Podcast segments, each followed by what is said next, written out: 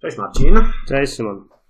E, spotykamy się w ostatnim e, dniu 2017 roku i e, robimy powtórkę z formatu zeszłego roku o ideach, koncepcjach i tym podobnych, które na nas jakoś wpłynęły znacząco albo były dla nas ważne, albo zamieszały nam w głowie tak, w tak. tym roku. No, tro, trochę traktujemy to jako taką retrospektywę z tego roku.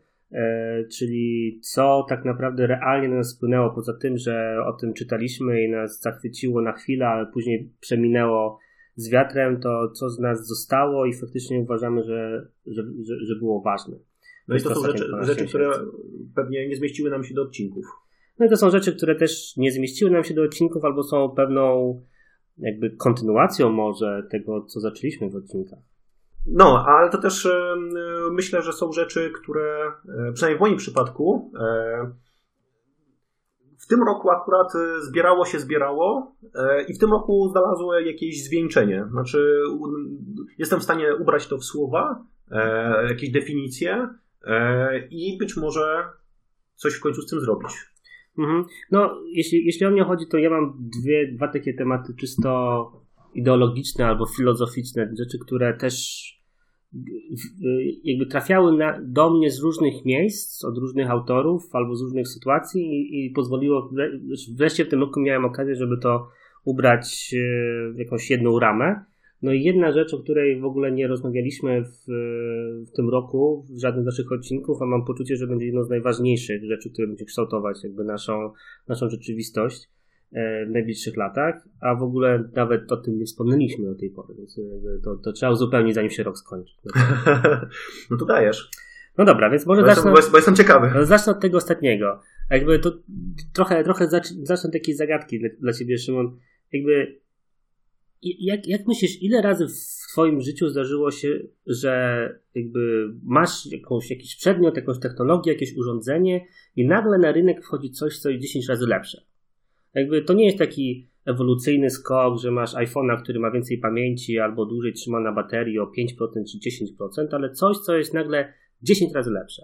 No to jak wymieniłem chyba Nokia 3030 na pierwszego smartfona. No, no dobra. No, jeszcze, jeszcze, z Windowsem mobile. No. I to jest szokujące, prawda? Jakby to, to, to jest jeden przypadek, nie? Albo, ale masz samochód, który e, potrafi na jednym baku przejechać 1000 km, e, a nagle potrafi, następna wersja potrafi 10 tysięcy. Nie? Jakby to jest, to jest szokująca zmiana. I takich zmian e, w naszym życiu, takich dziesięciokrotnych e, poprawy czegokolwiek jest, jest bardzo mało. Pewnie można to policzyć na palcach jednej ręki, jak to jest pojemność dysków może w komputerach e, lub tym podobne rzeczy. Ale jeszcze rzadziej zdarzają się przypadki, kiedy coś jest lepsze stukrotnie. Nie? I w tym roku zdarzyło się coś takiego.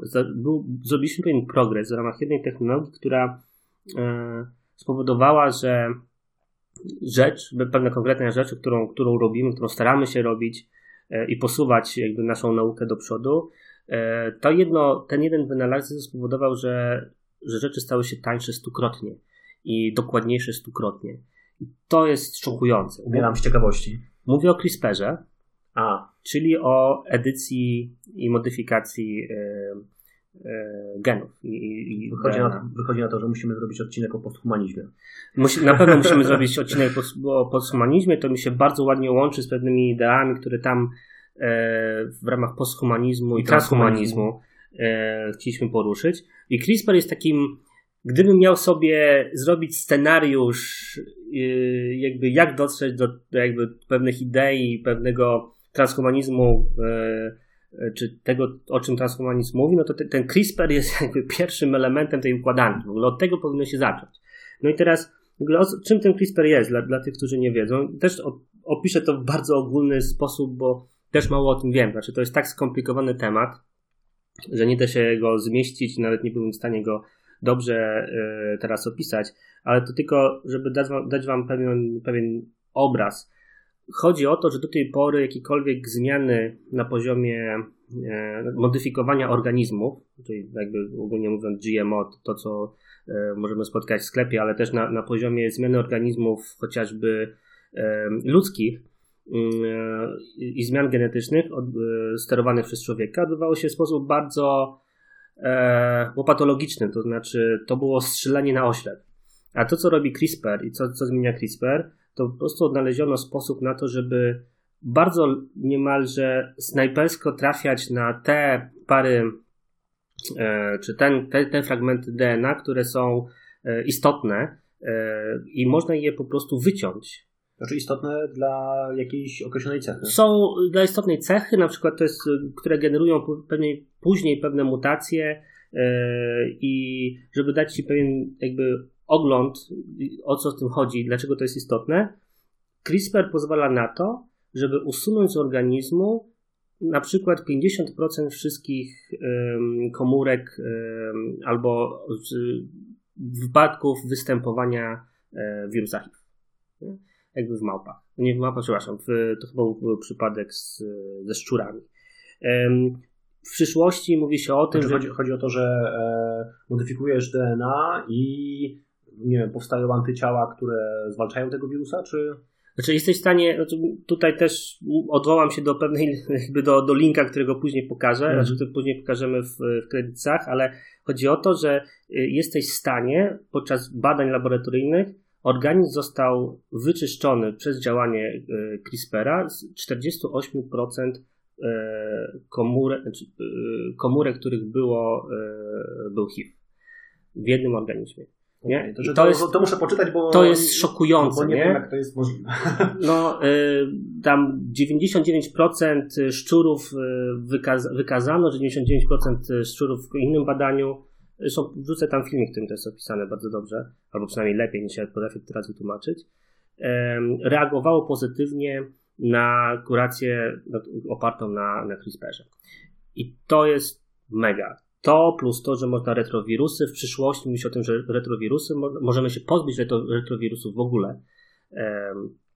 To, że możemy e, w ogóle pozbyć się naszych genetycznych wad typu nie wiem, e, kwestie związane z tym, z jakością naszego wzroku, e, z tym, że mamy pewne uwarunkowania genetyczne, konkretne choroby i, i tym podobne rzeczy, jest niesamowite. To znaczy, to dodaje, otwiera drogę do, do, do ogromnych zmian, które nas czekają. Do ogromnych zmian, ale my to traktujemy trochę jak taki jakby następną technologię, o których się mówi, nie? Za trzy lata e, będziemy mieć, e, uda nam się e, nie wiem, zrobić cokolwiek, typu naukowcy, amerykańscy naukowcy odkryli, że będziemy mogli latać na Marsa, nie? Jakby, czy coś w tym stylu.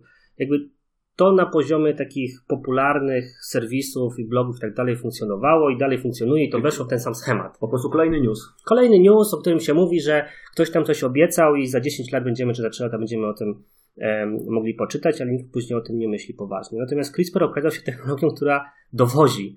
E, I jesteśmy na samym początku, i to jest najlepsze, że jesteśmy w ogóle na samym początku tej rewolucji i już nawet teraz widać metody na to, żeby tego, na, tym, na bazie te, tej technologii budować następne rozwiązania. Otwiera nam się zupełnie nowa gałąź nauki, można wręcz powiedzieć.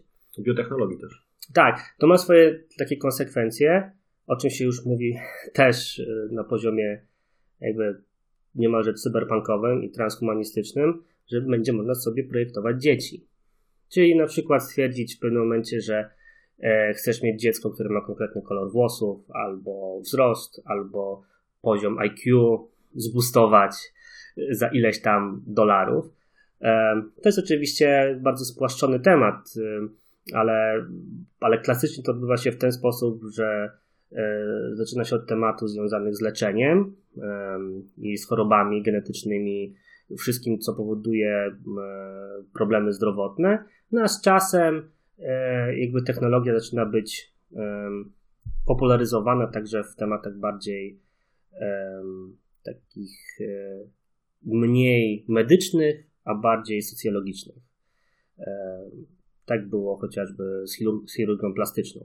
I to mam poczucie, że w ten sam sposób podejdziemy do, do CRISPR-a, że staje się dla nas oczywiste, że możemy sobie e, modyfikować DNA i jedna bardzo istotna rzecz w tym zakresie, bo wszyscy myślą o tej, może nie wszyscy, ale myśli się o tej technologii jednostkowo, czyli że ja mogę albo swojemu dziecku mogę wyciąć fragment DNA, żeby zapewnić sobie większą szansę, że będzie żył dłużej. Nie? Z tym, że ta zmiana zostaje w tym dziecku i jest przenoszona na jego dziecko. Mhm. Co oznacza, że jeśli zacznie. Że jeśli, jeśli to będzie popularny mechanizm, to bardzo szybko, bo to jest prosty mechanizm, niemalże tak jak wirusowy, niemalże, nomen omen, że e, wszyscy ludzie na nowi, nowo urodzeni ludzie po wprowadzeniu popularyzacji tej technologii będą modyfikowani genetycznie. To niesie ze sobą konsekwencje, jeszcze nie wiem do końca jakie, ale na pewno niesie ogromne konsekwencje. I jeśli mamy się spodziewać, że cokolwiek zostanie spopularyzowane e, jakby szybko w przyszłości, to będzie technologia, która zrobi to najszybciej. Znaczy, właśnie ja tutaj wolałbym to zostawić na osobny odcinek, bo to jest mega ciekawa dyskusja, ale ja właśnie jestem e, e, znowu sceptyczny. Mhm. znaczy inaczej, wierzę oczywiście w funkcjonowanie tej technologii i widzę potencjał, natomiast od razu myślę o wszystkich e, konfliktach społecznych. E, Wiedziałem, że to powiesz. I problemach, jakie to wywoła, i na przykład problemach z popularyzacją tej technologii. E, też między innymi dlatego, że akurat w tym, w tym roku, jeszcze nie przeczytałem samej książki e, Rodkiewicza, e, to jest dziennikarz naukowy z polityki, który napisał bodajże w Królestwie Monszatana mhm. książkę na temat walki z, z GMO i opisuje tak naprawdę wielki biznes i całe potężne lobby przeciwników GMO, które jest doskonale finansowane i akurat parę dni temu czytałem e, świetny wywiad e, z gościem, który był kiedyś w Greenpeace, był bardzo przeciwko GMO e, i zmienił opinię o 180 stopni w oparciu o badania naukowe, po prostu prace naukowe. I jeśli w tym momencie jest tak silny opór przeciwko GMO, mimo tego, że nie ma solidnych naukowych przeciwwskazań, to jaki może być potężny opór przed e, modyfikacjami ludzi, no bo to będzie no, jakby na opinię publiczną to będzie jeszcze mocniej wpływało, będzie mhm. wywoływało większe kontrowersje.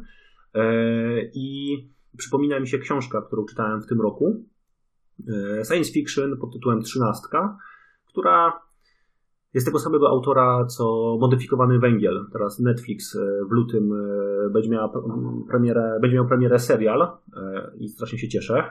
E, bo Modyfikowany Węgiel był jedną z najlepszych książek science fiction w ostatnich latach, którą czytałem. Niestety trzynastka jest już strasznie wtórna, bo jest kopią całej masy motywów, ale jest jeden, który zrobił na mnie ogromne wrażenie. Otóż e, rozpad Stanów Zjednoczonych, z którego wydzieliło się między innymi e, że generalnie Stany podzieliły się na Stany zachodniego wybrzeża i wschodniego wybrzeża, które odłączyły się od tak zwanego Jezusowa. Mhm. I e, Jezusowo jest e, slangowym określeniem na te. Christian Belt, tak? Tak, na te wszystkie konserwatywne stany e, ze środka, które, bo tam głównym motywem, jakby konceptem, wokół którego kręci się książka, są modyfikacje genetyczne i jakby tworzenie nowych gatunków ludzi. Główny bohater jest tak zwaną trzynastką, czyli jednym z wariantów tych genetycznych. I po prostu część Ameryki była bardzo wrogo nastawiona do tych zmian. E, no i doprowadziło to do rozpadu Stanów Zjednoczonych. E, więc e, ja naprawdę jestem sobie w stanie wyobrazić, że ta technologia CRISPR wcale nie będzie tak łatwo się rozpowszechniać. Łącznie z tym, znowu sięgając po książki science fiction, w niektórych książkach na przykład spotkałem się z takim motywem, że dojdzie do bardzo dużego rozłamu w ludzkości, bo na przykład państwa skandynawskie będą z budżetu państwa finansować wszystkim e, dzieciom, które płodą wręcz e, modyfikacje genetyczne, żeby zagwarantować, że się będą rodzić tylko i wyłącznie zdrowe, a na przykład w Stanach będzie to kosztować kupę pieniędzy. Mhm. Więc w Stanach dojdzie do rozwarstwienia, że tak powiem, genetycznego, podczas kiedy Skandynawia będzie złożona po, po trzech pokoleniach tylko i wyłącznie z doskonałych ludzi. E, jakby te mechanizmy już funkcjonują ze służbą zdrowia chociażby teraz, nie? W sensie ludzie podróżują chociażby w Stanach Zjednoczonych e, do Meksyku, żeby e, wyleczyć sobie zęby. Do Polski. Albo do Polski. Jedna z rozmów przy stole wigilijnym u nas. o, o znajomych z emigrantach z Ameryki, którzy przy, przylecieli do Polski na miesiąc leczyć zęby. Tak, to nawet ma swoją nazwę, to jest turystyka, medyczna. turystyka medyczna, coś takiego, tak. No, zgadzam się z tym. E, to... Być, być, może ludzie z Ameryki będą się przeprowadzać do Skandynawii, żeby tam urodzić dziecko, żeby ono miało zafundowane, zafundowaną terapię. Wow, to brzmi nieźle. Ej, teraz już ludzie podróżują ze Stanów. Ja poznałem dziewczynę chyba, byłem na studiach z Kanady, która przeprowadziła się do Polski studiować medycynę tutaj, bo to było po prostu dużo tańsze. No, to samo opowiada mój brat, który studiuje w Holandii, w którym ma znajomych ze Stanów, e, których po prostu e, wychodziło, że przyjazd do Holandii, nawet będąc poza Unii Europejskiej, czyli płaci się premium za studia, w Holandii, jest to tańsze niż studia o tej samym e, profilu w Stanach Zjednoczonych. No. I okazuje się nagle, że państwa zaczynają konkurować na usługi publiczne. No, to, to, to ciekawy, ciekawy wniosek. Ale wracając do samego e, CRISPRa. Zgadzałbym się z tym, e, że to mogłoby prowadzić do takiego rozwarstwienia, jeśli mówilibyśmy o technologii, która jest super droga nie, albo niebezpieczna i wymaga bardzo mocnego jakby kontroli, znaczy y, jakby dużej inwestycji. Natomiast mamy teraz sytuację taką, że e, sekwencjonowanie DNA, jakby kosztem spada, jakby spada cyklicznie co roku, jest coraz niższy. Sam CRISPR e, jest, już to obliczano, jest niemalże stukrotnie tańszy. Stanowi 1%, 1% kosztów wcześniejszej edycji DNA. DNA. I może się okazać, że to jest technologia, która będzie uniwersalnie dostępna i nie będzie miejsca tutaj na budowanie przewagi konkurencyjnej nie? między państwami, bo to trochę tak jak e, może jak dostęp do internetu, nie? Czy państwa między sobą, każde państwo chce mieć jak najlepszy dostęp do internetu, jeśli opiera swoją gospodarkę na, na wiedzy. E, no, między chcieć a móc jest jeszcze przepaść. No, no o, oczywiście, ale jeśli miałbym szukać miejsca, w którym wydaje mi się, że czeka nas w tym momencie dwa, dwa główne obszary, w których widać, że państw, państwa albo administracje publiczne mogą obudować, wziąć sobie na sztandary budowanie wartości, może, może inaczej to nazwać, ale takiej poprawy jakości życia swoich obywateli. Pierwsza rzecz to jest e, właśnie dbanie o kwestie związane z medycyną i to jest, prosty rachunek. Jeśli na samym początku organizm czy, czy dziecko ma zmodyfikowane geny tak, że będzie mniej chorować w przyszłości, to każdemu się to opłaca. Państwu też. I jakby nie patrzeć, ironia losu jest taka, że państwa, które mają wysoki e, e, poziom ochrony socjalnej, musi liczyć e, pieniądze i rozumieć, ile kosztuje życie i zdrowie swojego obywatela i robić mu taką metryczkę. A, a z drugiej strony e, jest to, e, są to wszystkie powody śmierci tragicznej tych ludzi, czyli głównie komunikacja. E, I może się okazać, że dążymy do sytuacji, w której te dwie rzeczy, czyli CRISPR plus autonomiczne, autonomiczna komunikacja, będą dwoma powodami, których dwoma elementami budżetu państwa, które one będą bardzo mocno inwestować, jeśli chcą, nie chcą mieć dziury budżetowe. E, I tu wracamy do problemu przeludnienia z poprzedniego odcinka. Okej. Okay. E, znaczy, e, nie chcę już bardziej brnąć w ten temat, bo tu moglibyśmy rzeczywiście cały odcinek tylko o tym zrobić. Ja co prawda, no ja pozostaję dużo bardziej sceptyczny z tego względu, że to, o czym mówisz, zakłada bardzo dużą racjonalność rządzących i wyborców, i generalnie opinii publicznej, a chociażby problem smogu, Polsce i to jak długo pozostaje zupełnie nierozwiązany. Albo szczepień. E, że nie, bardzo, bardziej mi chodzi o smog, bo smog okay. e, jest totalnie powszechny. i, I, od kilkudziesięciu lat. I jakoś, e, mimo tego, że wiemy o tym, jakie on koszty generuje, nic właściwie się nie wydarzyło, e, takiego, co by faktycznie zmieniało ten stan rzeczy. Też można by użyć dokładnie tych samych argumentów, o których powiedziałeś. Warto zadbać e, o czystość powietrza, bo nam się obniżą koszty hmm. opieki zdrowotnej i tak dalej, i wszyscy będą żyli dłużej. Tak samo z e, wypadkami na polskich drogach, gdzie ciągle jesteśmy w czołówce europejskiej liczby wypadków i tego, jak bardzo niebezpieczne są nasze drogi i niewiele właściwie się dzieje, a w ostatnich dwóch latach sytuacja się pogorszyła. Po raz pierwszy właściwie chyba w historii Polski zaczęło ginąć więcej ludzi na drogach, bo między innymi zlikwidowano fotoradary i wiedza na temat tego, jak projektować drogi, żeby było bezpieczniej, jest dostępna, ogólnodostępna. I na przykład parę dni temu czytałem bodajże o przykładzie miasta Jaworzno, które wdrożyło te wszystkie zasady i tak jak chyba tam w latach 90. ginęło u nich z 18 osób rocznie na drogach, tak zeszło, w ciągu ostatnich, ostatnich 18 miesięcy nie zginął nikt. Mhm. Mają w ogóle liczbę stłuczek, wypadków niższą niż e, średnia Polska. I właściwie dlaczego wszystkie pozostałe miasta Polski tego nie robiły? Mogłyby, no nie? Wiedza istnieje, środki do tego są. Więc pomiędzy właśnie e, wiedzą i technologią, która jest na rynku, a powszechnym wykorzystaniem tego przez państwa, no, to, to może być bardzo ciekawy okres zawirowań politycznych, dyskusji, konfliktów na tym tle.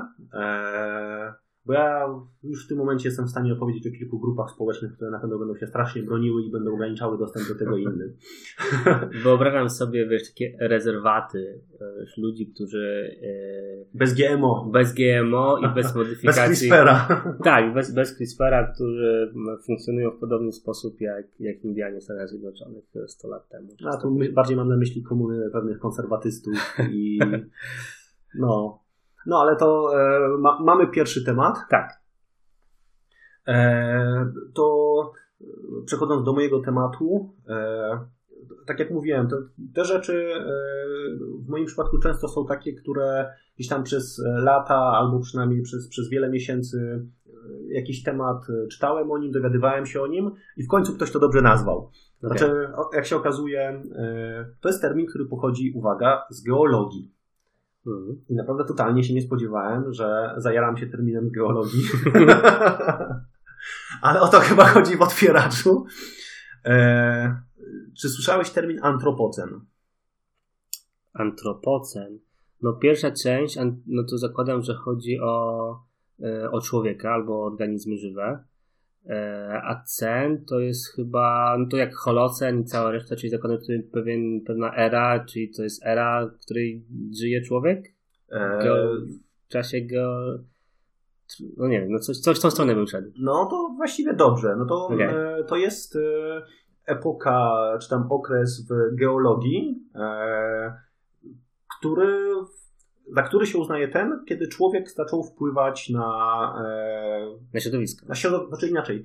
Jak, bo to mu, musi być, wiesz, z punktu widzenia geologicznego, spełniać pewne standardy. Hmm. Chodzi o to, że e, człowiek zostawił ślady, które jeśli ktoś za milion lat będzie badać e, geologię, Będą to widoczne. tak, znajdzie ślady stworzone przez człowieka. Na przykład w miastach to jest, wiesz, kilka metrów betonu, które okay. za milion, milion, lat tam będą po prostu. E, promieniowanie. E, Śmieci? Torebki? Góry śmieci, no nie? Ale też e, zupełnie zmieniona biosfera. Mhm. Czyli miliony gatunków, które zniknęły w bardzo krótkim okresie, E, rozpowszechnienie innych gatunków, e, jak na przykład, nie wiem, jak ktoś kiedyś będzie przekopywał kości, no to znajdzie miliardy kości krów na przykład, no nie, mhm. których, które ludzie, ludzie hodowali.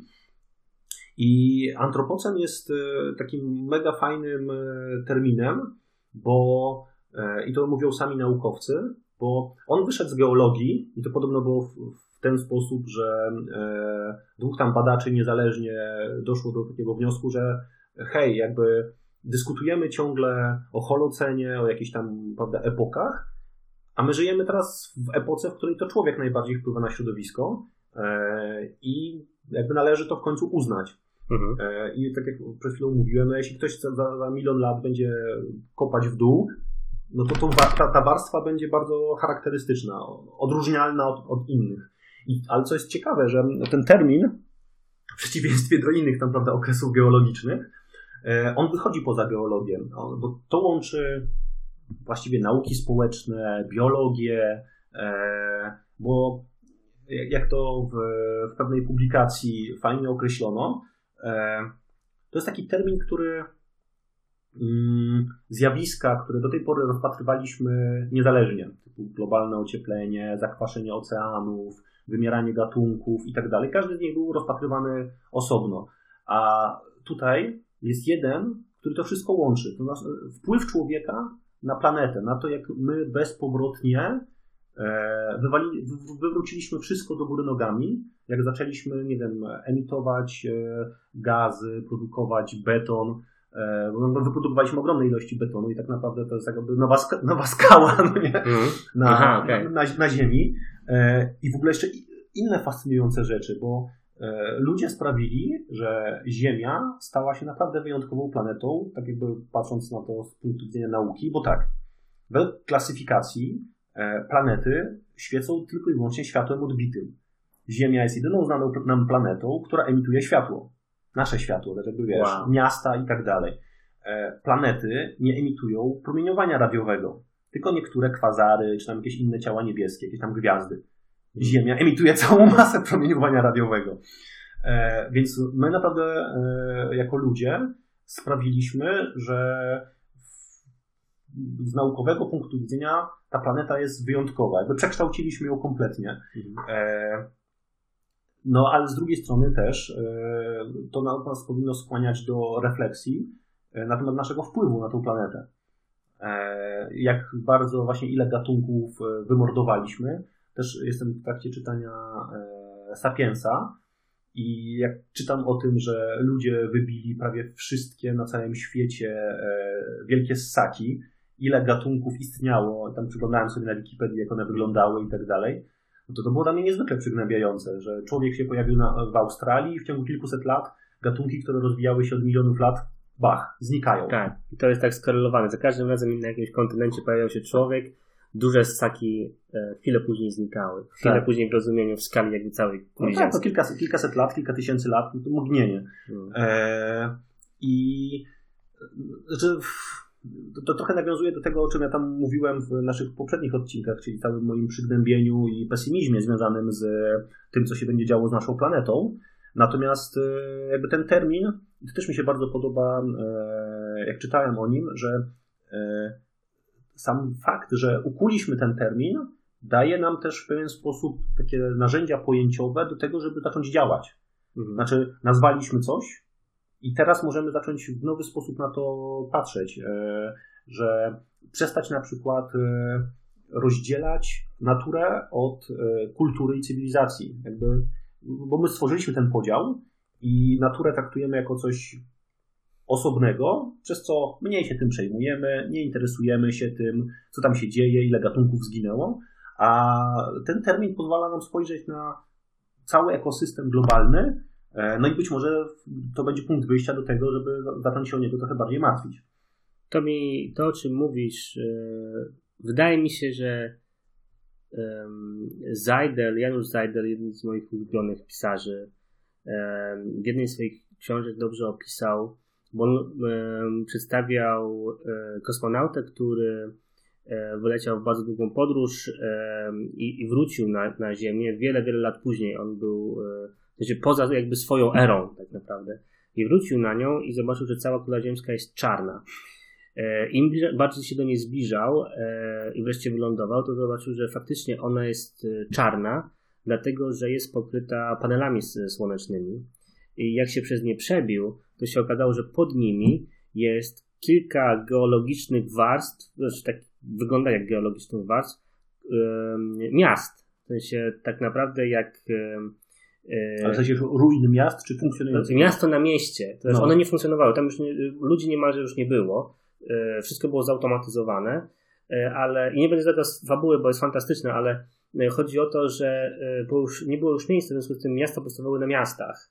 Więc można było odróżnić i on, żeby dojść do, do, jakby do miejsc, w których jeszcze odbywa się życie tak naprawdę, albo w ogóle dowiedzieć się, co się stało, on musiał wchodzić w głąb miast, w rozumieniu w dół, piętro po piętrze w dół, trochę tak jak przechodzi window. Przechodzi przez warstwy geologiczne miast. E, no niesamowita, niesamowita wizja. E, Jaki to tytuł? Będę musiał sobie przypomnieć teraz, nie pamiętam, który to był, to był z nich, ale, ale wrzucimy w, w, w okay. show notesach bo e, to, to, to jakby ta idea, o której ty mówisz, idealnie wpasowuje się w to, co, to, co on um, opisał. To jest ciekawy koncept. Jakby faktycznie daje taką dobrą klamrę do, do, do, do wszystkiego. Pytanie, pytanie, co to oznacza, sensie, czy jeśli mielibyśmy stosować te same narzędzia pojęciowe z geologii na tą erę, której my teraz jesteśmy, jakby co, to, co to nam daje? Znaczy, może inaczej, jakby co, jakie, jaką wiedzę nam w związku z tym daje? Czy jesteśmy w stanie już teraz no bo z tego co rozumiem, geologia jednak patrzy w bardzo długim okresie czasowym, to znaczy jesteśmy w stanie teraz badać pewne ruchy tektoniczne albo co działo się w, w historii kuli ziemskiej e, setki tysięcy i miliony lat wstecz, nie? Natomiast jakby to samo pojęcie samo w sobie, które dotyczy pewnie okresu tysiąca lat albo no, setek jeszcze, lat. Jeszcze się spierają. Bo jest, jest bardzo nie... kilka, kilka punktów jest, od których myślę o tym, żeby wiesz, uznać początek. To jest za mało według, znaczy, bym się mógł wypowiadać na ten temat, ale to chyba jest za mały okres, żebyśmy mogli realnie wyciągać wnioski. No ale właśnie. Ee, wydaje mi się, że to może być dokładnie na odwrót. Aha. Okay. znaczy, jeśli e, w popatrzeć na skalę, w jakiej e, patrzy się na poprzednie epoki geologiczne, czyli też jakieś miliony lat, jak na przykład gdzieś tam czytałem o tym, to e, polski geolog, który się właśnie zajmuje antropocenem, e, mówił o tym, że gdzieś tam jakiś czas temu jakieś tam organizacje geologów, które głosują nad tym, żeby przyjąć klasyfikację i w tym momencie dyskutują o tym, czy antropocen w ogóle można uznać, bo jeszcze środowisko geologicznego nie uznało ostatecznie. Dyskusja trwa. E, oni na przykład jakiś czas temu, o milion lat, przesunęli jak któryś z tam punktów przełomowych dla dwóch epok. wiesz, tak jakby, co tam, milion lat, no nie? Natomiast jeśli popatrzeć na to w ten sposób, że w tak niezwykle krótkim okresie, e, w jakim e, funkcjonuje człowiek, e, znaczy, bo dyskusja w tym momencie na temat początku tego antropocenu, no to jest dyskusja, czy to jest powiedzmy 10 tysięcy lat temu, kiedy zaczęło się rolnictwo, czy może jest to XVIII wiek, kiedy zaczęła się rewolucja przemysłowa i zaczęliśmy produkować bardzo dużo, że zaczęliśmy w ogóle produkować gazy, spalać paliwa kopalne i tak dalej, czy być może jest to dopiero XX wiek, e, kiedy ta granica doszła do jakiegoś tam wysokiego punktu, ale mimo wszystko poruszamy się w przedziale 10 tysięcy lat. Czyli okay. z punktu widzenia geologii jest to bardzo krótki okres. I teraz jeśli E, zgadzamy się, że w tak krótkim okresie e, my już zdążyliśmy wpłynąć na e, biosferę i geosferę do tego stopnia, że zostawiliśmy już ślady, no to chyba jednak sprawa jest poważna. Znaczy, że tak. musimy zaakceptować, że wpływ człowieka jest ogromny, jeśli w tak krótkim okresie udało nam się wpłynąć na to. No, biorąc pod uwagę, że te 10 tysięcy lat to jest punkcik no tak. w kwestii jakby całej historii planety, no to faktycznie to może być, już nawet nie trzeba go rozdzielać, czy to jest 5 czy 6 tysięcy lat w tą czy w tą. No tak. Okay. Eee, no i jeśli zaakceptujemy, że ten nasz wpływ jest taki ogromny, no to powinniśmy przejść do kolejnego pytania. Eee, no to co powinniśmy w związku z tym zrobić? No bo jeśli e, w tak krótkim okresie w ogóle, nie można to pewnie porównać tylko i wyłącznie do sytuacji, kiedy e, spadł meteoryt, no nie, i wybił dinozaury i całą masę innych gatunków. I teraz mamy drugi moment w historii, kiedy e, biosfera aż tak radykalnie się w tak krótkim okresie zmieniła, no bo mówimy znowu o 10 tysiącach lat, e, no to być może powinniśmy zmienić nasze postępowanie. Mm. Okej. Okay. No to jest wątek, który warto by było pociągnąć jeszcze dalej. Musiałbym się o nim więcej dowiedzieć, ale brzmi fascynująco. E, zostawię Ci tutaj taką to jest, to, to jest dobry dowód na to, że warto zbierać na konferencjach, e, po festiwalach, wydarzeniach, e, te, jak to się nazywa? Książeczki Dokumentacje. Dokumentacje, bo chyba pierwsza festiwalowa, którą przeczytałem. E, no dobrze, to przechodzimy do następnego tematu. I to jest zupełnie inna, inna rzecz. Zupełnie zmieniamy jakby tematykę. Kategorię. Kategorię, tak. Przechodzimy z, z poziomu globalnego na, na poziom personalny i jak zapewne wiesz i pewnie większość naszych e, słuchaczy wie, jestem bardzo mocnym fanem i fanatykiem twórczości e, Nikolasa Nassima Taleba i... Nie ma odcinka otwieracza bez Taleba. A, nie ma jeśli kiedyś... Ding, ding, ding, można się napić teraz. Tak, jeśli, jeśli kiedyś będzie odcinek bez Taleba, to nam napiszcie w komentarzach. no i um, czytałem wszystkie trzy jego książki, swoją drugą w lutym wychodzi następna i... On to chyba będzie teraz wydawał w jakiejś cegle, nie? Takiej zbiorczym wydaniu chyba wszystkiego. E, tak, już, już raz to zrobił, już mam tu wydawanie, wydanie też. Okay. A może to e, będzie cel na 2018 na mnie, żeby to przeczytać. A wyszły wszystkie trzy po polsku? E, chyba tak, ale nie kupuj polskiej wersji, bo ma fatalną okładkę, więc można sobie darować. A tłumaczenie? A tłumaczenie nie wiem, jak, jakie jest jakości, niestety. No, w każdym razie, jakby podsumowując, E, jego twórczość, jak miałbym z tego wynieść jedną rzecz, która utkwiła ze mną naj, najdłużej, jakby niesie konsekwencje dla mnie personalnie, to jest jego myślenie o, o tym, jak, e, jak myśleć strategicznie o swoich, swoich, swojej aktywności. To znaczy, w co inwestować swój czas i swoją energię, albo nawet nie konkretnie w co, ale w ramach jakich kategorii. I dlaczego to jest ważne? Bo E, Taleb e, prowadzi taką walkę intelektualną e, z myśleniem o, ty, o, z myśleniem o dywersyfikacji aktywności. To znaczy, mówi o, mówi o tym, że to nie jest prawdą, albo nie powinniśmy tak robić, że balansujemy nasze sfery życia, ponieważ dążymy do jakiegoś mitycznego, naturalnego konsensusu między tym, co powinniśmy robić, jak powinniśmy się relaksować i. Jakieś równowagi. Jak, tak, taka równowaga nie istnieje. To jest jakby pewna, pewien element kultury, który został nas wpojony przez pewne romantyczne ideały.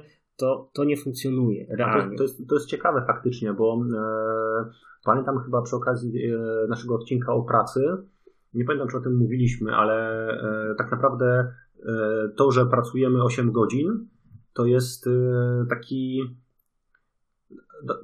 gdzieś tam pewnie czołem XIX-XX wieku ktoś wymyślił, że powinno być 8 godzin pracy, 8 godzin snu, 8 godzin odpoczynku. Tak. I teoretycznie tworzy nam się tutaj równowaga między 8 godzin pracy, 8 godzin e, odpoczynku, czyli niby dążenie do jakiejś równowagi. No ale właśnie jakby ta równowaga jest takim naszym to ładnie brzmi, intelektualnie ładnie wygląda, ale jest, jest błędne. To znaczy nie jest oparty na żadnym ra, ra, e, jakby realnym, faktycznym e, danych albo, albo przesłankach.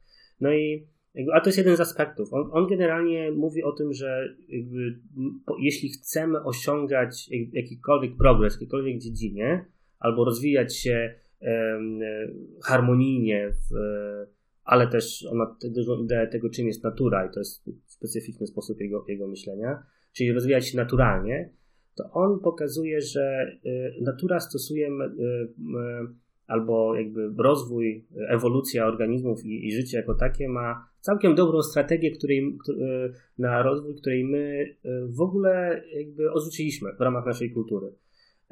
I on to nazwał Barber Strategy. Przepraszam, Barber? Barbell, czyli A. jakby wyobraź sobie, że dlatego, masz... Dlatego chcę przeczytać polskie tłumaczenie. Wyobraź sobie, że masz e, że podnosisz ciężary swoją drogą i masz e, po dwóch stronach e, duże ciężary, po kilkadziesiąt kilogramów po jednej i po drugiej, a na środku jest pusto. Nie? W sensie tam, gdzie łapiesz jest pusto, jest po prostu drążek i nic mm -hmm. więcej. Nie? I to jest, to jest taki barbel, czyli masz bardzo mocną inwestycję w, w, jeden aspekt swojego życia i bardzo mocną w drugi, skrajne miejsca, skali, natomiast środek jest pusty. I jak porównasz sobie z naszym myśleniem o właśnie dywersyfikacji tego, co robimy, no to jest tak, żeby było porówno, nie? że mam właśnie 8 godzin spania, 8 godzin pracy, 8 godzin życia prywatnego i wszystko jest porówno. Jak e, rozmawiać z ludźmi, którzy, będą, którzy proponują e, jakieś bezpieczne, nieryzykowne, znaczy bezpieczne w rozumieniu takim, że, e, że nic się z nimi nie staje, formuły inwestycyjne, czy to, to ktoś ci powie, że musi zainwestować jedną trzecią jedną trzecią w jeden element, jedną trzecią w bardziej agresywny i jedną trzecią w super agresywny, nie? I, a, a ten pierwszy w bezpieczną. No i to co pokazuje Taleb, że taki, taki pakiet jest w gruncie rzeczy najbardziej niebezpieczny, ponieważ on ma wszystkie negatywne cechy tego, tego super niebezpiecznego elementu i wszystkie negatywne cechy tego super bezpiecznego. To, co on proponuje jako rozwiązanie, jako metodę, żeby osiągnąć o wiele lepsze efekty i dywersyfikować mądrze swoją aktywność, to wyrzucić i wyciąć absolutnie cały środek. Czyli te rzeczy, które są neutralne, średnio bezpieczne, e, średnio, ryzyko, średnio ryzykowne i e, które przynoszące średnie e, jakby średni progres. O Jezu, właśnie przekonałeś mnie do odpowiedniej decyzji życiowej. To, co, to, co... Moi, moi kumple od RPG będą wściekli. to, co mówi Taleb i on to potem pokazuje na jakby aspekt po aspekcie życia, też jakby myślenia i strategii, ten środek nie działa nigdy, bo ten środek. To czy takie przeciętne rzeczy, tak. które są takie. Bycie przeciętnym generalnie nie ma, nie ma upside'u, ma tylko downside. Co ciekawe. Natomiast bycie na skrajnościach ma o wiele większe plusy niż tam się wydaje, szczególnie w sferach życia, które nie są ograniczone biologią, w rozumieniu, że mogą rosnąć e, nie mając górnej granicy. Okay. No dobra, ale to musisz podać jakieś przykłady, bo to bardzo abstrakcyjnie brzmi. Inwestowanie. Właśnie to, to jeden, jeden z elementów. E, albo na przykład e, kariera zawodowa, nie? W sensie, załóżmy, że to inwestowanie, weźmy to po, pod uwagę. To, co Taleb mówi generalnie, że jeśli ktoś sprzedaje ci pakiet bez, jakby inwestycji, w której masz pa, parę super niebezpiecznych, ale i parę super bezpiecznych elementów, które są sobą powiązane. Jeśli z tego, że są powiązane, ten super niebezpieczny pogrąży ten, ten bezpieczny. Natomiast z tego, że są powiązane, to nie uzyska tak dużych zwrotów jak ten, e, ten niebezpieczny. Więc lepiej to. To, to, mi, to mi przypomina e, kryzys finansowy i. Pamiętasz Big Short? Tak, tak. No jak mieliśmy, jak tam była scena z, z wieżą, w której po kolei były wyjmowane elementy, cały czas było sprzedawane jako super fajne rozwiązanie, ale im bardziej się patrzyło w środek, tym było coraz gorzej. Tak. E, więc pozory sugerowały, że wszystko jest ok, ale pod spodem już, już tak nie było. Mhm. Więc to jest jeden z elementów tej układanki. Więc to, co on sugeruje, tam y, y, ogromna część y, inwestycji powinna iść w rzeczy super bezpieczne, e, które e, przynoszą bardzo mały zysk albo nawet stratę, ale ona jest, ale to jest rutynowe, gwarantowane i generalnie nie musiałaby się cała gospodarka zawalić, żeby, żebyś ty też stracił e, ten, ten element swoich, e, swoich pieniędzy.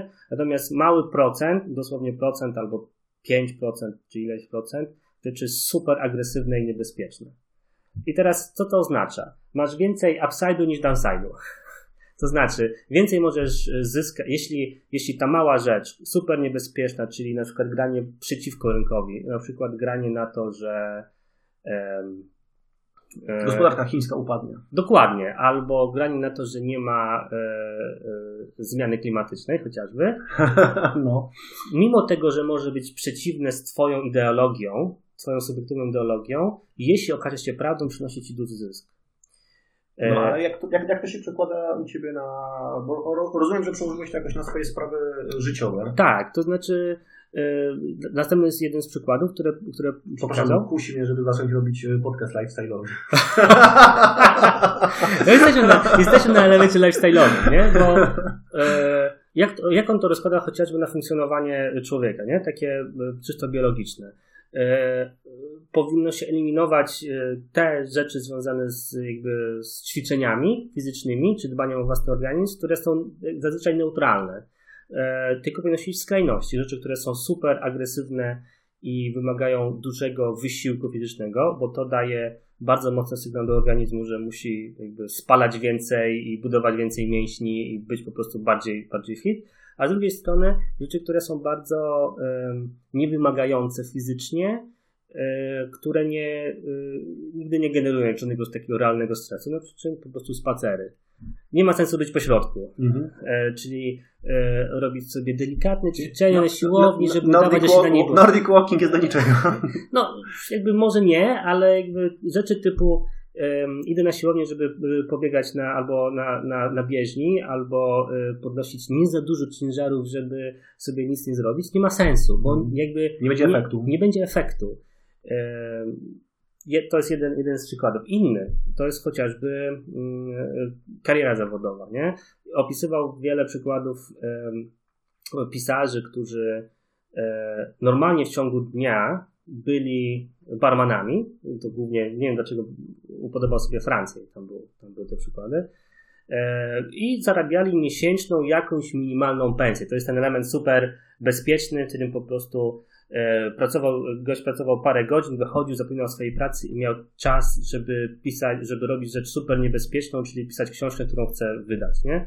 Jeśli to mu się uda, no to wyskakuje spoza tej skali i ma duży, e, duży progres i duży upside związany z tym, że napisał dobrą książkę. Jak się nie uda, to niewiele straci, bo dalej ma swoją mm-hmm. ciągłą pensję. I takich przykładów było mnóstwo. E, I to jest bardzo ciekawe podejście do życia generalnie. Usunięcie tego środka. Mhm. Znaczy, kurczę, to muszę powiedzieć, że mi się to podoba. E, make sense. E, że, skup, że tego, jeśli to rozumiem, no nie, skupić się na tych aktywnościach, które dają szansę na największy wzrost, znaczy efekt, jakiś zwrot.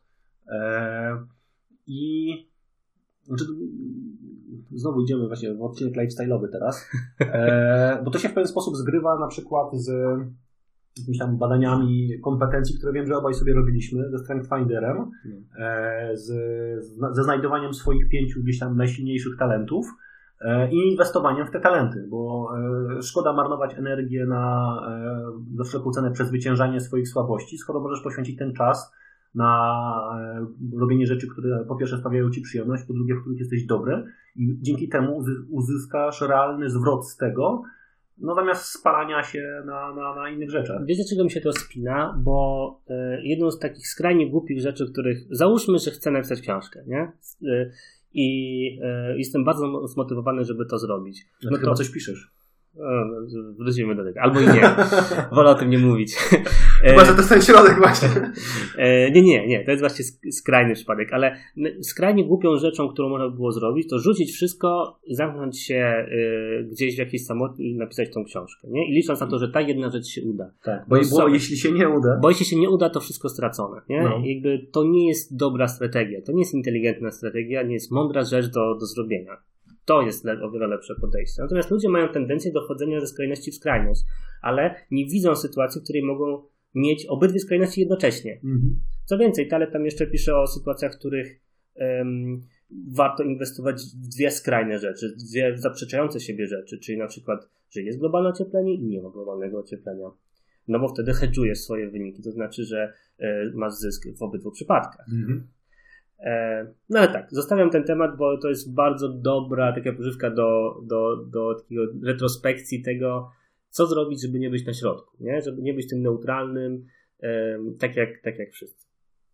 Okej, okay. to to się troszkę łączy z tym twoim ostatnim zdaniem, żeby nie być na środku tak jak wszyscy, e, bo e, to, to, to, tak zwany symetryzm. to ja teraz pójdę w dużą skrajność Mhm. Niestety dochodzę do wniosku, to jest jedna z takich koncepcji, która też dosłownie w tym tygodniu o tym e, przeczytałem. E, otóż e, trzeba zabić wszystkich mężczyzn. O, Jesus. Co? e, tak. E, znaczy, okej, okay, dobra, jest to e, hasło... Brzmi jak dobry clickbait. Tak, to jest, to jest dobry clickbait i to jest ostre hasło.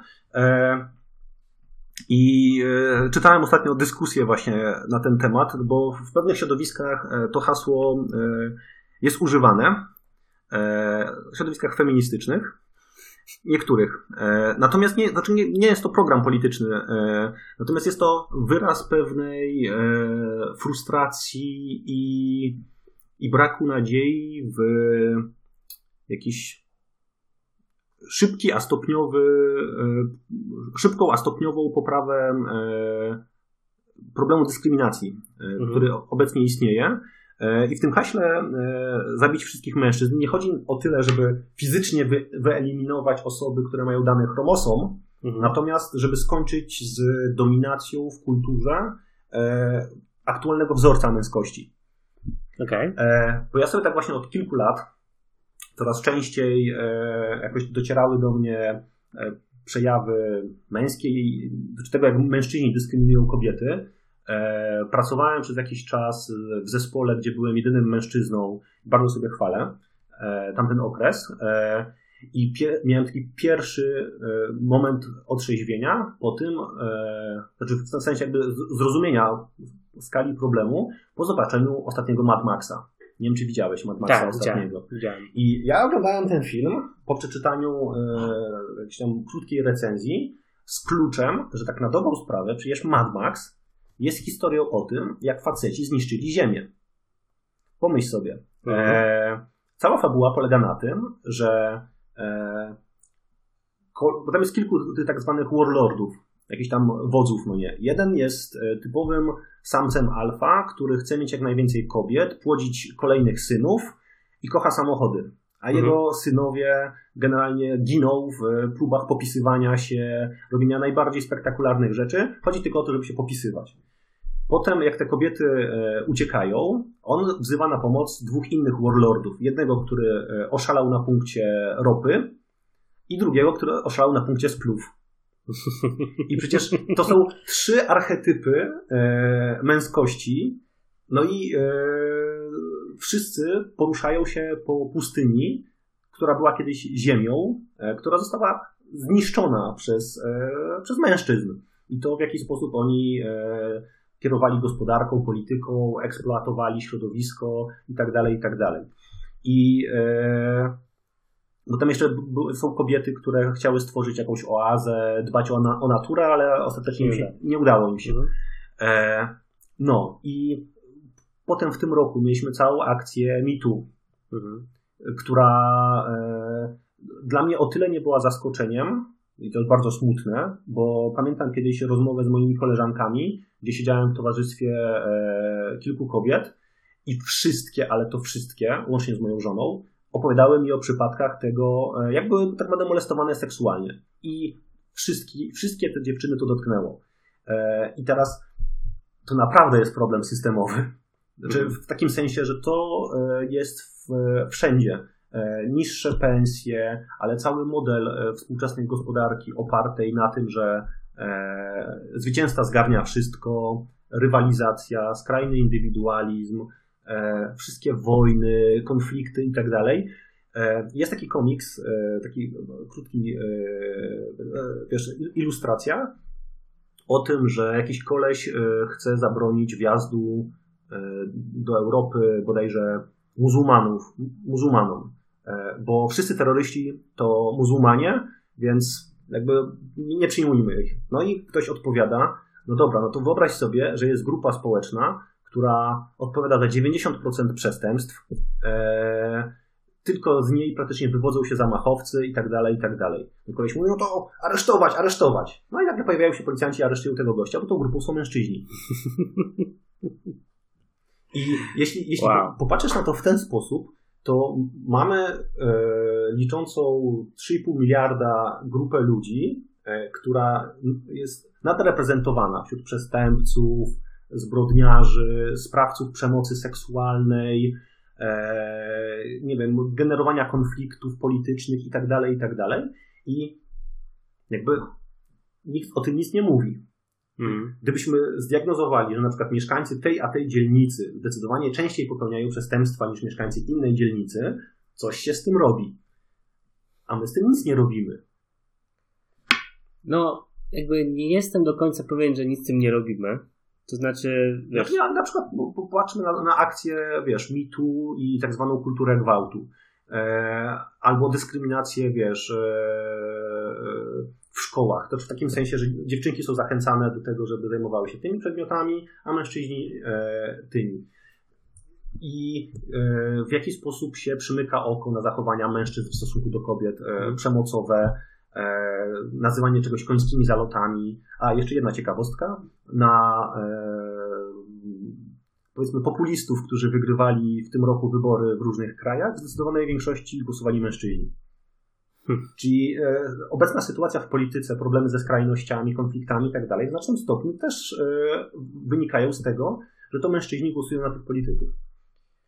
Znaczy to jest, to jest tak e, to jest tak duży temat i tak ciężki tak trudny do rozpakowania, że w gruncie rzeczy nie mam jak go skomentować, bo, bo, bo nawet nie, be, nie mam miejsca, żeby się, żeby, żeby się nie zgadzać z tym wywodem. Znaczy, jest to dla mnie rzecz, którą faktycznie ja też, może nie to, że odkryłem teraz, ale zostało mi uświadomione, nawet jeszcze przed całą tą akcją tu i, i tym, tym podobnymi skandalami, które teraz e, wychodziły w tym roku, ale nastąpiła pewna moja zmiana percepcji, to znaczy tego, co działo się wcześniej. Widziałem też wśród moich znajomych, ale także, także w rodzinie, że, że pewne do tego nie zgadzam się na przykład, że nic nie zostało zrobione. Pewne normy kulturowe się zmieniają i to, że my okay, o tym no rozmawiamy i jakby no. uważamy, że to nie jest coś um, prawidłowego y, i historycznie, retroaktywnie patrzymy na te wydarzenia i wydaje mi się, że wtedy też nie było. Um, to coś się zmienia, nie? Zmienia się też takim, na poziomie takim megatrendów, bo spójrz chociażby, sorry, że trochę banalizuję ten temat, ale spójrz chociażby na to, jak wyglądają scenariusze ostatnich Gwiezdnych Wojen, nie? I porównaj ich do, do historycznej pierwszej trylogii i o tym, jaka jest rola kobiet w obecnych wersjach i w poprzednich wersjach, nie? Jaka jest rola Carrie Fisher w, w pierwszej, e, pierwszej trylogii, gdzie była no, niewolnicą, księżniczką, księżniczką w potrzebie. Tak, tak, dokładnie. Albo niewolnicą, nie? E, i co działo się teraz, albo jak, jak są teraz budowane archetypy. Jak, e, wiesz, o, o, obydwaj mamy młode dzieci i e, jakby spójrz, a może patrzyłeś na to, jak wyglądają książki, które są teraz wydawane i o czym te książki są. Jak duży nacisk, może, może tylko w naszym bąbelku, kładzie się na to, żeby reprezentacja bohaterów męskich i żeńskich książkach były, była mniej więcej wspólna albo, albo podobna. I i zmiana polega na tym, że do tej pory y, były, albo były książeczki dla dziewczynek i książeczki dla, dla chłopców, albo było tak, że dziewczynki były tłem do tego, co robili chłopcy. To się powoli zmienia. I to nawet nie ten poziom, żeby wyrównać jedno i drugie, tylko raczej, e, żeby e, chłopcy widzieli, że dziewczynki też są bohaterami. Nie? To, to jest pewna zmiana. No. Tylko, że właśnie e, jedna rzecz, która mnie niepokoi, Harari w Sapiensie to fajnie opisał, tylko teraz już nie, trudno mi to przywołać, e, ale właśnie on mówił o tym, że pewne takie konflikty, e, one mają tendencję do e, paradoksalnie do nakręcania się i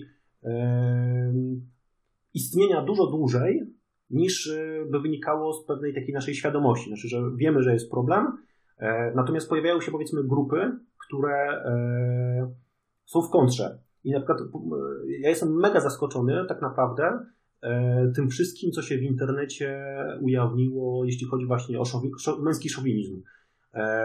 Parę dni temu czytałem artykuł o e-sporcie i przy okazji tego artykułu był tam fragment o kobietach w e-sporcie. Mhm. I znalazłem filmik, który tam był opisywany w tym artykule. Pewna gamerka wrzuciła po prostu w jaki sposób, jakie komentarze słyszy. No i jest po prostu filmik na YouTubie zmontowany z tekstami e, i jest to przerażające. Mhm. Jest mi po prostu normalnie wstyd i z trudem jestem w stanie to oglądać. Jak dziewczyna sobie gra po prostu z innymi ludźmi online i nagle koleś się zupełnie odczapy, bo to nie ma żadnego usprawiedliwienia oprócz tego, żeby ją obrazić. Zaczynają wykrzykiwać do niej różne obraźliwe hasła.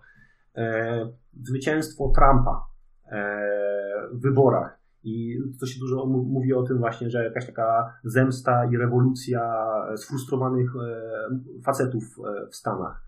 E, I ja wcale nie jestem pewien, że i nawet reakcje na nowe Star Warsy, bo ja też widzę mega frustracji, wściekłości na to, że właśnie feministki teraz piszą scenariusze w Hollywood. Dzisiaj dosłownie jadąc teraz na nasze spotkanie na Twitterze pojawiła się, żeby ludzie zauważyli, e, scenarzystkę, która pisze serial dla Netflixa e, Wiedźmina. Mhm.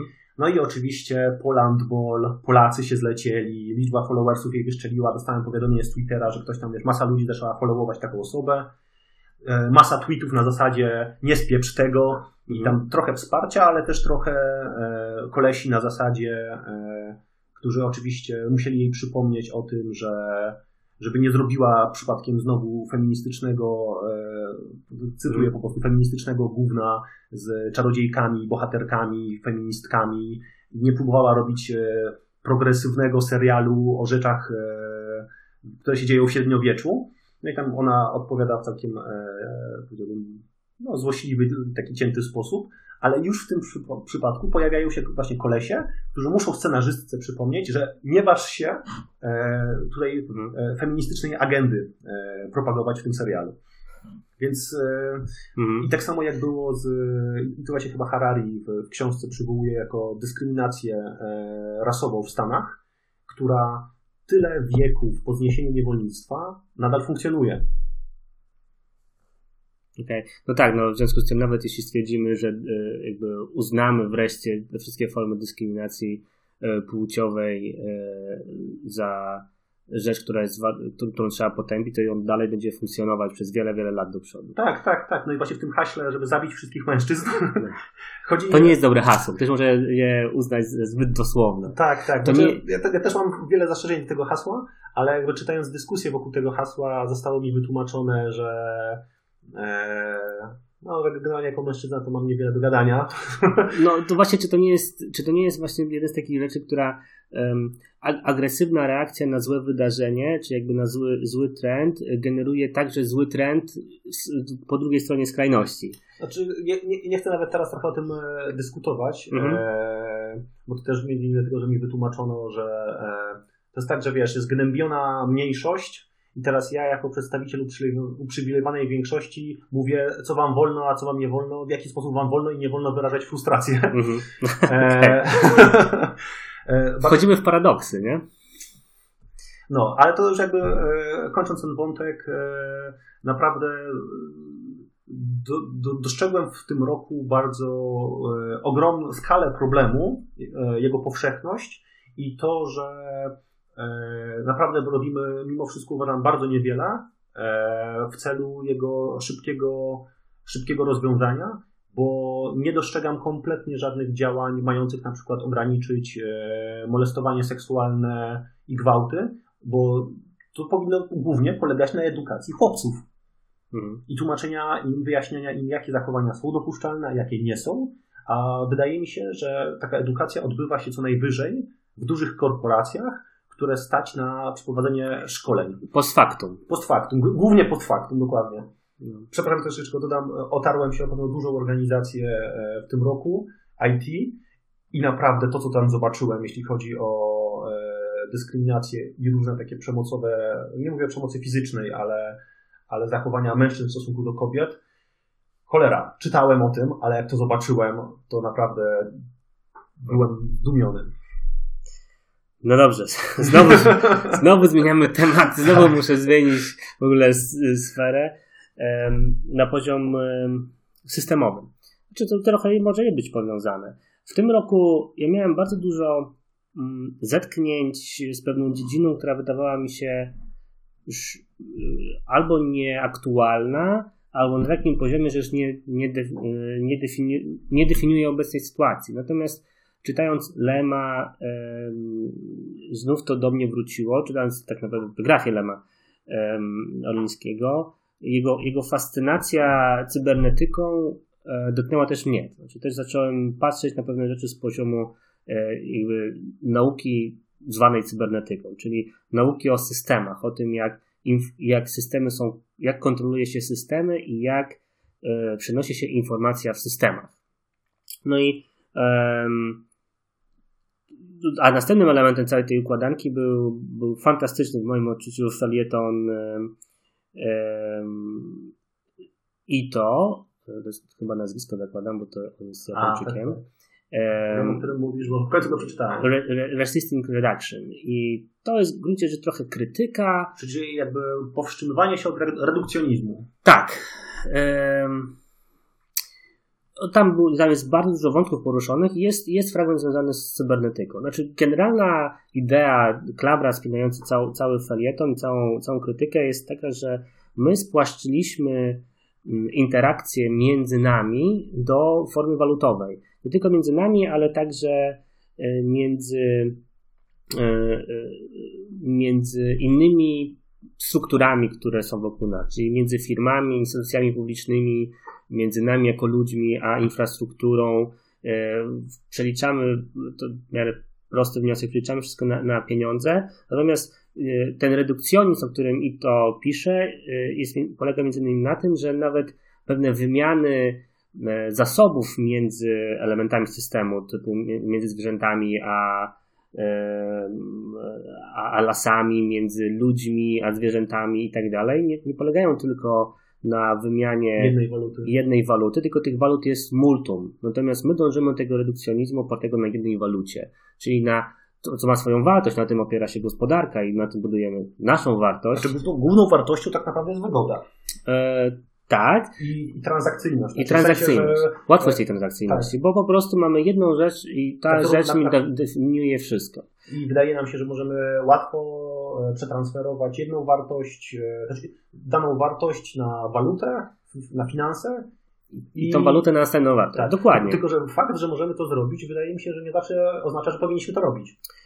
Tak, natomiast y, następny element tej, tej krytyki polega na tym, że do tego merkantylizmu, czyli jakby tej idei, którą mieliśmy e, wolnego rynku sprzed 200 e, lat i, i 100 lat, dochodzi nowy element, czyli jakby ten związany z komputerami e, i z tym, jak dużą władzę nad tym, co dzieje się społecznie, ma Silicon Valley i generalnie startupy, które są globalnymi instytucjami, które także korzystają z tej jednej, jedynej waluty oferując swoje, swoje usługi, nie patrząc na konsekwencje. No i jakby dlaczego, to, dlaczego jest tutaj cybernetyka istotna? Ponieważ w ramach cybernetyki rozwinęło się pojęcie, nie do końca wiem jak, jak po polsku e, się to nazywa, ale chodzi o first order cybernetics i second order cybernetics, czyli może pierwszego, drugiego poziomu. E, czyli e, efekty pierwszego, pierwszej skali, drugiej skali albo pierwszego, drugiego poziomu. I teraz co, co to jest? No to jeśli tak bardzo y, symbolicznie sobie uznamy, że mamy jakąś akcję, mamy reakcję, to ta reakcja to jest pierwszy poziom. Natomiast reakcja na tą reakcję to jest drugi poziom. E, dlaczego to jest ciekawe i dla mnie fascynujące? To my, ja przynajmniej do tej pory myślałem o rzeczach, które robię na poziomie pierwszej, pierwszej reakcji, czyli zrobię co, zrobię, wykonam jakąś funkcję w mojej aplikacji, będę miał jakiś efekt, nie? W sensie coś poprawię, mam lepszą konwersję. Natomiast jest jeszcze myślenie, które było dla mnie zupełnie obce do tej pory, czyli myślenie tym drugim poziomem, czyli jaka jest reakcja na moją reakcję. Mhm. Czyli, czyli jaka jest reakcja otoczenia na, na, na yy, znaczy reakcja na to, co co ja wykonałem e, i jeszcze później reakcja na to. Nie? Jakby to jest e, super skomplikowany sposób myślenia. Nie znalazłem się dobrego sposobu, żeby o tym, jakiego, jakiego mentalnego narzędzia, żeby móc e, jakby odnaleźć i poruszać się w tej, w tej, tej sferze, ale jest to dla mnie super interesujące. Na pewno wymaga to dużego flipchartu. Tak, nawet, nawet wiesz, bo to, to jest trochę myślenie... Tak, to jest trochę takie myślenie na zasadzie e, Airbnb, załóż, weźmy sobie Airbnb, to, to przykład, który widziałem na własne oczy. E, Airbnb e, zaczęło się, stało się globalną usługą e, i jakby podstawowa reakcja jest taka, że ludzie zaczęli z niego korzystać, uznawać to za sposób na zabezpieczenie sobie miejsca podczas swojej podróży. Mhm. Ale jaki jest second order effect? To między innymi to... Wzrost cen nieruchomości. Między innymi to, że w Lizbonie, e, w dzielnicy turystycznej, powstają mieszkania dostosowane pod Airbnb. I e, nie wiem, czy to jest third order effects, czy to jeszcze jest second order effects, ale e, to miasto wręcz zachęca do tego i daje zniżki na specyficzny rodzaj mieszkań pod Airbnb. Okej, okay. no to ja znam zupełnie przeciwnej strony reakcje i to powiedziałbym e, efekty drugiego rzędu. Mhm. E, to znaczy na przykład w Berlinie i w, nie wiem, chyba w Barcel Barcelonie e, protesty przeciwko Airbnb, delegalizację Airbnb, bo to do, doprowadza do wzrostu cen nieruchomości. Mieszkańcy muszą się wyprowadzać, nie stać ich na czynsze. E, no i już mówiąc o tym, że na przykład e, mój znajomy niedawno wprowadził się do nowego mieszkania w nowym bloku i niestety po fakcie zorientował się, że na klatce ma głównie mieszkania wynajmowane na Airbnb. I nagle się okazało, że mieszka w środku hotelu. Mhm. I to, to nie jest rzecz, której chciałbyś się dowiedzieć po wzięciu kredytu na 30 lat. No to prawda. I czytałem właśnie ostatnio o polskim rynku nieruchomości i różnych anomaliach, które zachodzą na nim.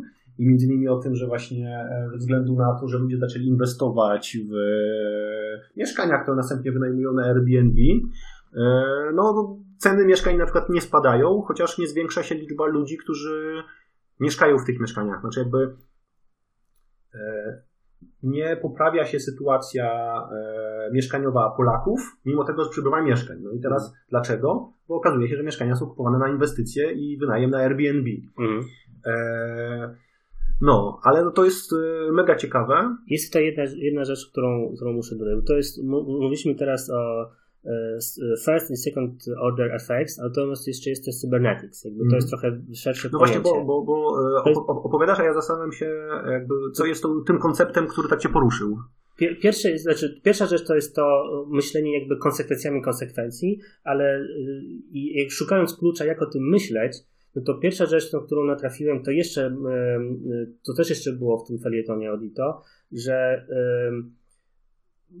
pierwsze myślenie o cybernetyce było takie, że widzimy system, znaczy jesteśmy w stanie zobaczyć, że coś funkcjonuje jak, jak system, czyli e, następuje wymiana informacji i system e, reaguje na pewne bodźce z zewnątrz.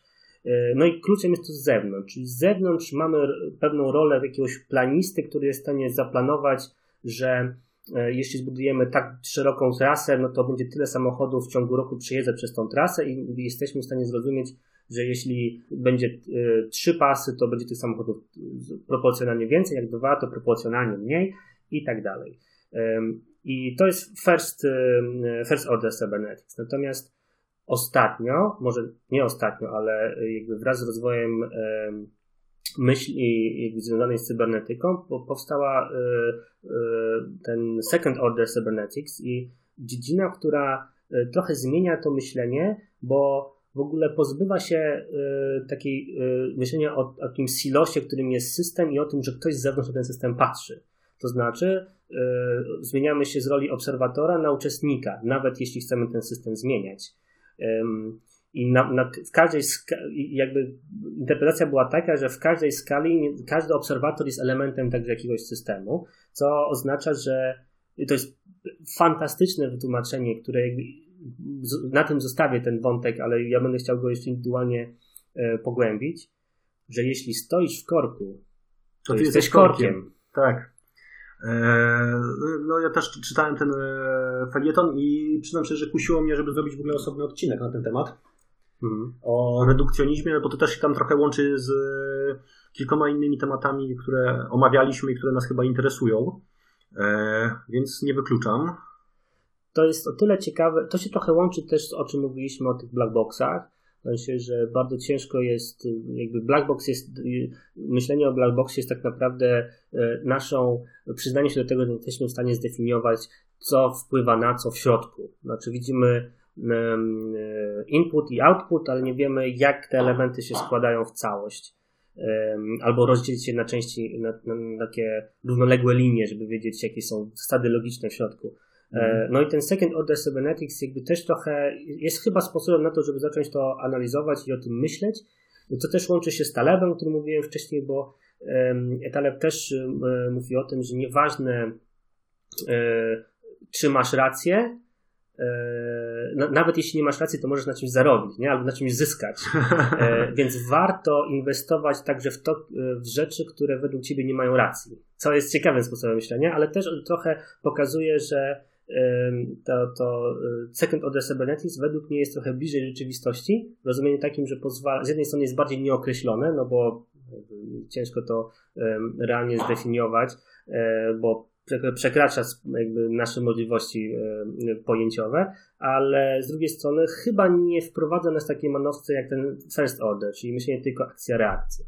E, tak. Znaczy, ja nie jestem pewien, czy e, to jest kwestia wprowadzenia nas e, mano, ma, na manowce, w manowce, e, a bardziej kwestia mm, oszukiwania się, znaczy takiego zamykania oczu, no nie, że wydarzy się to i to i jakby nie, nie, biorę pod uwagę, że wydarzy się więcej, mhm. że będę miał, będą inne konsekwencje. Bo inne czynniki na to wpływają. Nie? To tak. I to się idealnie łączy z moim ostatnim konceptem. Mega płynnie od tego przechodzimy, jestem pod wrażeniem. Nie... Dwa lata już robię ten podcast, wiesz. tak. E, bo dla mnie takim konceptem, który też mi strasznie e, zamieszał w głowie i bardzo uporządkował, bo świetnie opisał e, zjawiska, którymi się interesowałem, to jest solucjonizm. Mhm. I tak naprawdę solucjonizm, czyli wiara w to, że proste rozwiązania e, rozwiążą skomplikowane problemy. Jak to tam było w jednej książce, e, że każdy problem, każdy problem ma rozwiązanie, które jest proste, zrozumiałe i błędne. I ja o tym solucjonizmie czytałem głównie w kontekście e, nowych technologii i tego, że twórcy rozwiązań informatycznych e, obiecują i sami wierzą w, w, w, w jakby rozwiązywanie skomplikowanych problemów przy pomocy prostych narzędzi informatycznych. Znaczy prostych, ja nie mówię, że one są z programistycznego punktu widzenia proste do napisania, ale że zrobimy właśnie tak jak Airbnb, e, no i rozwiążemy po prostu jakiś problem i nic się więcej nie wydarzy. Mhm. E... I nie stworzymy więcej innych problemów. Tak. I e, właśnie, a dodatkowo e, w tym kontekście technologicznym e, Morozow o tym pisał, że e, właśnie zwolennicy solucjonizmu w technologiach e, właściwie wierzą w to, że przy dostatecznie dużej mocy obliczeniowej jesteśmy w stanie rozwiązać każdy problem, zrozumieć każde zjawisko i rozwiązać każdy problem.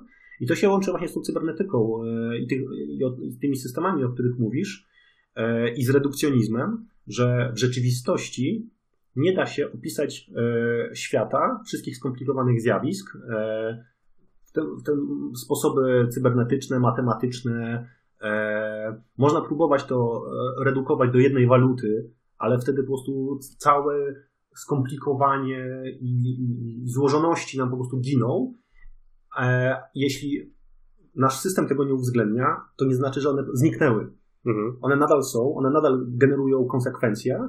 E, I właśnie e, powszechnym problemem solucjonistów jest niezwracanie uwagi na te konsekwencje drugiego rzędu. I tam w książce Morozowa, e, bo to chyba była najważniejsza książka, którą przeczytałem w tym roku, To Save Everything, Click Here, no, podaje przykład tego, że w, zaczęto publikować tam bodajże w Wielkiej Brytanii mapy przestępczości w miastach. No i generalnie wyszli z założenia, że czym więcej e, informacji opinia publiczna posiada, tym lepiej. Dlatego, że właśnie konsekwencją drugiego rzędu było to, że część ludzi przestała zgłaszać przestępstwa swojej dzielnicy, żeby nie podnosić statystyk e, przestępczości i nie obniżać ceny swojej nieruchomości. Mhm. No, doskonały przykład. Dokładnie. I e, ten solucjonizm, po tym jak poczytałem o nim w kontekście technologii, I co też było bardzo ciekawe w tej książce, bo autor mówi o tym od samego początku, że to nie jest e, zjawisko nowe, że ono było od, od wieków, nie, że tam w XVII czy XVI wieku też e, wierzono w proste rozwiązania albo takie redukcjonistyczne teorie, że nie wiem, całą przyrodę da się opisać jakimś tam systemem matematycznym. Albo, że jeśli będziesz jadł liście, które mają kształt serca, to znaczy, że ten, e, e, będziesz e, mógł leczyć się na serce, albo coś w tym stylu. Tak, to był klasyczny przykład takiego naturalizmu. Tak. I ja zacząłem dostrzegać ten solucjonizm wszędzie, bo solucjonizm jest w polityce, bo przychodzi ktoś i mówi, że ma proste rozwiązanie jakiegoś mega skomplikowanego problemu. Populizm. E, tak. E, w biznesie, w, no, na każdym kroku nagle pojawiają się ludzie. Coachowy. Tak. E, albo nie wiem, na przykład ma jakąś tam, wiesz, nową strategię biznesową i uważa, że na przykład jak się podepnie pod jakiś trend, to w ogóle automatycznie e, wszystko, nie wiem, firma nagle zacznie prosperować. Konsultanci. tak, tak, tak. Zobacz, wszędzie pasuje. no, ale właśnie o to chodzi, że e, dostrzeżesz e, i zrozumiesz solucjonizm, to zaczynasz go dostrzegać wszędzie, ale z drugiej strony też zarasta twoja odporność na to. Tylko, że e, pojawia się bardzo duży problem. E, nagle stajesz się tą osobą w pokoju, która wszystkim nagle mówi, że nie, nie, słuchajcie, to jest bardziej skomplikowane, to, to będzie miało swoje konsekwencje i to jest niezwykle trudna e, rola, która niestety wielokrotnie dawała mi w kość. Jakby, no bycie tą osobą, która zawsze widzi dziurę w, w planie innych osób, to jest bardzo niewdzięczna rola. E, bo... Nikt nie lubi tej osoby w zespole. Tak. I właśnie ja nadal jeszcze rozkminiam, jak sobie radzić z tym, jak komunikować to, bo niestety kolesie, którzy e, prą do przodu i nie zważają na konsekwencje, jakoś cieszą się większym e, powodzeniem i też jakimś takim entuzjazmem, bo e, zbyt długie rozkminianie decyzji nie jest mile widziane. No tak, nie jest. Ale to, ale to się odnosi do Twojej prezentacji z Internet Beta, tak. że lepiej podjąć decyzję i dostać sygnały, niż nie podjąć decyzji, nie zrobić nic no to jest jakby to trochę przeciwne tego, znaczy łączy się, ale w przeciwny sposób, to znaczy, bo y, jedna kwestia jest szukania dziury w, w całym w planie, ale y, y, chyba o wiele lepsze jest jak najszybsze zweryfikowanie planu w jak najmniejszej skali, żeby wiedzieć, jaki, dost, jaki dostajesz sygnał. To też jest element cybernetyki, nie? Jakby szukanie feedbacku i takiego cyklu akcji-reakcji bo y, dzięki temu jesteś w stanie zobaczyć już chociażby zaczątki tego efektu drugiego, drugiego rzędu i móc to zweryfikować zanim rozwiązanie będzie pełnoskalowe, że będzie skalowalne y, o wiele dalej. Tylko, tylko ten problem polega na tym, że czy kiedy podejmujesz tą decyzję, kiedy już podejmiesz tą decyzję, to czy jesteś nastawiony na obserwowanie zróżnicowanych efektów. I tutaj wracamy do problemu pojedynczej waluty. Bo e, jeśli jakaś decyzja, tak jak w tym przypadku e, chociażby z tą przestępczością, została podjęta, dane zostały e, upublicznione, to czy osoba odpowiedzialna za tę decyzję w ogóle zdaje sobie sprawę z tych konsekwencji drugiego rzędu? No właśnie, bo, chyba bo, nie. No właśnie, bo ona mogłaby odebrać ten sygnał, mogłaby zmienić to podejście, ale być może ta informacja w ogóle do niej nie dotarła. Mhm. I tak samo, nie wiem, kolesie z Airbnb, no teraz, teraz już wiedzą o tym, e, bo im władze miasta i demonstranci już o tym powiedzieli, ale no, czy kiedy podejmowali decyzję, to w ogóle o tym myśleli?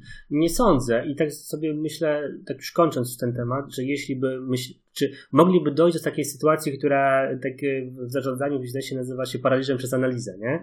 E, Analysis paralysis, no. Tak, tak, że po prostu y, moglibyśmy analizować wszystko i stawiać mnóstwo hipotez, a dopóki jakby nie wdrożymy czegoś w życie, to nie będziemy w stanie w ogóle mieć pewności, w którą stronę by to poszło. I to i chyba na razie wychodzi mi, na tym małym skrawku, którym udało mi się ten temat w ogóle poruszyć, że jedynym sposobem faktycznego sprawdzania, czy hipotezy związane z efektami drugiego rzędu w ogóle występują, to jest faktycznie zobaczyć to na żywo. E, tak, tylko że właśnie. Tylko to może mieć negatywne konsekwencje, które ciężko będzie odkręcić. E, tak, dlatego lepiej na małą skalę. Mhm. Ale no to e, chyba kończąc e, już ten odcinek e, i tak, może dając e, radę sobie nawzajem i słuchaczom, nastawiajcie się na odbieranie zróżnicowanych sygnałów z otoczenia. O, to jest, to jest bardzo dobra rada na przyszły rok. Tak naprawdę to można stosować cały czas, ale szczególnie się skupić na to e, na tym w, przyszłym, w przyszłym roku, bo e, to jest bardzo dobry sposób podejścia, bo też gwarantuje, gwarantuje to, że widzicie zróżnicowane um, sygnały, no właśnie nie chcę mówić masło, masło maślane, ale chodzi o to, że gwarantuje patrzeniem na, na, na świat przez e, zróżnicowane e, soczewki. No dobrze, w takim razie dziękujemy bardzo za ten następny rok. W ogóle zorientowaliśmy się dzisiaj, jak patrzyliśmy na, na nasze statystyki i na to, ile nagraliśmy odcinków, że ten rok był dla nas bardzo owocny. Dużo bardziej owocny niż podejrzewaliśmy. Dużo bardziej niż, niż podejrzewaliśmy i w ogóle jestem trochę w szoku, że już robimy to dwa lata i jeszcze nie skończyły nam się tematy, chociaż mam, mam poczucie, że chyba już zaczynamy się powtarzać w niektórych momentach, ale dalej jest to dla nas interesujące, więc będziemy nagrywać dalej, nie? E, taki jest plan. No tak, takie mamy postanowienie takie na 2018. Dokładnie. No to wszystkiego dobrego. Dzięki Szymon. Dzięki Marcin.